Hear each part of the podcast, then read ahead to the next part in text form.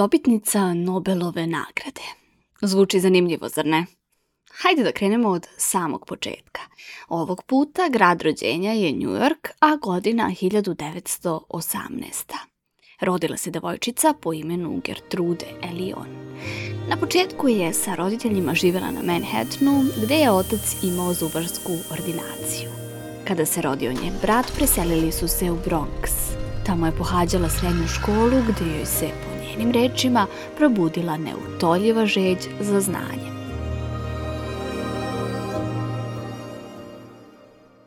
Podstaknuta smrću svog dede koji je preminuo od raka, a za kojeg je bila veoma vezana, Gertrude je sa 15 godina upisala Hunter College u Njujorku, a sa 19 diplomirala hemiju sa pohvalom.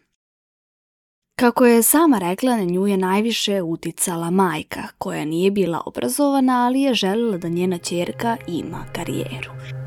Gertrude je ipak imala poteškoće da nađe posao nakon diplomiranja, jer su mnoge laboratorije odbijale da zaposle žene hemičarke. U to vreme se govorilo da ženama nije mesto u nauci, ali kako je sama rekla nije videla razlog zašto ne bi bilo suprotno. Nalazila je honorarne poslove kao laboratorijska asistentkinja i vratila se školovanju na univerzitetu u Njujorku. Gertrude je radila kao zamenica profesora u srednjoj školi nekoliko godina dok je završavala master studije, Diplomu je stekla 1941. i iako ga nikad nije završila, kasnije joj je dodeljen počasni doktorat sa Politehničkog univerziteta u Njujorku i diploma počasnog doktora nauka sa univerziteta Harvard. Početak drugog svetskog rata stvorio je više mogućnosti za žene u ovoj industriji.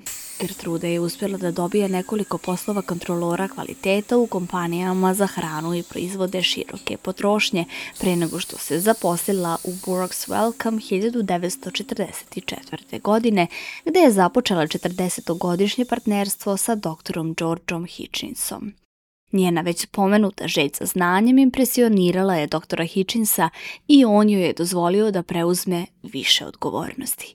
Gertrude i Hitchings su odbacili tradicionalni pristup metode pokušaja i greške u razvoju lekova u korist racionalnog naučnog pristupa – Polazeći od shvatanja da je svim ćelijama potrebna nukleinska kiselina za reprodukciju, oni su zaključili da brzo rastuće bakterije i tumori zahtevaju još više da bi održali tempo rasta.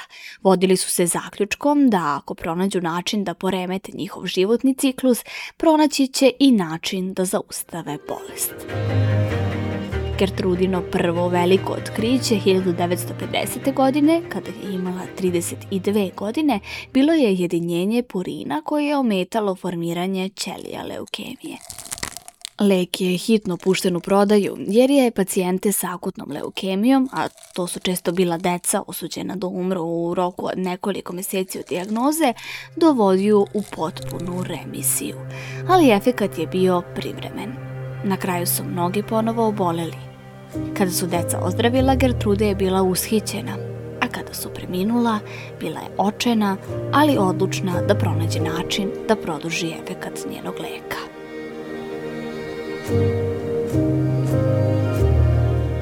Pored leka za borbu protiv leukemije, Gertrude i njen tim razvili su i lekove za borbu protiv herpesa i side.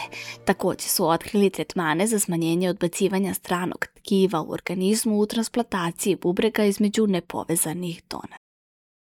Sve u svemu, Gertrude je razvila 45 patenata za lekove u medicini koji spašavaju i menjaju živote mnogih. Za svoj rad dobila je 23 počasne diplome. Gertrude je priznala da je njen posao bio njen život, ali je takođe volela i fotografiju i putovanja.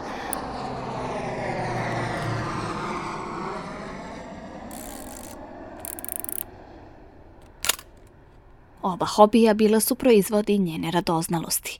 Iako se nikada nije udala, uživala je u tome da bude omiljena tetka deci svog brata.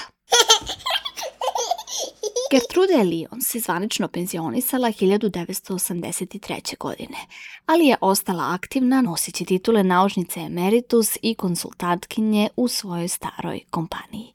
Takođe je bila savetnica Svetske zdravstvene organizacije i Američkog udruženja za istraživanje raka. Gertrude je 1988. godine dobila Nobelovu nagradu koju smo spomenuli na početku ovog podcasta za medicinu zajedno sa Georgeom Hitchingsom i Sir Jamesom Blackom. Dobila je i druge nagrade za svoj rad, uključujući nacionalnu medalju za nauku 1991. godine, a iste godine je postala i prva žena koja je primljena u Nacionalnu kuću slavnih pronalazača. Godine 1997. dodeljena joj je nagrada za životno delo Lemelson MIT. Gertrude je čuvala pisma pacijenata ili rođaka pacijenata koji su ozdravili zbog njenog rada. Primoci transplantacije bubrega, oboleli od šindre čiji je vid sačuvan, roditelja dece sa dijagnozom leukemije, herpes encefalitisa i terminalnog sarkoma. Gertrude je rekla da je mogućnost da se pomogne ovim ljudima veća nagrada od Nobelove nagrade. Kao rezultat njenog rada, iako preminula 1999. u 81. godini, Gertrude Elion i dalje spašava živote širom sveta. Priču napisala Iva Gajić. Montaža Iva Gajić i Aleksandra Bučko. Producentkinja Aleksandra Bučko.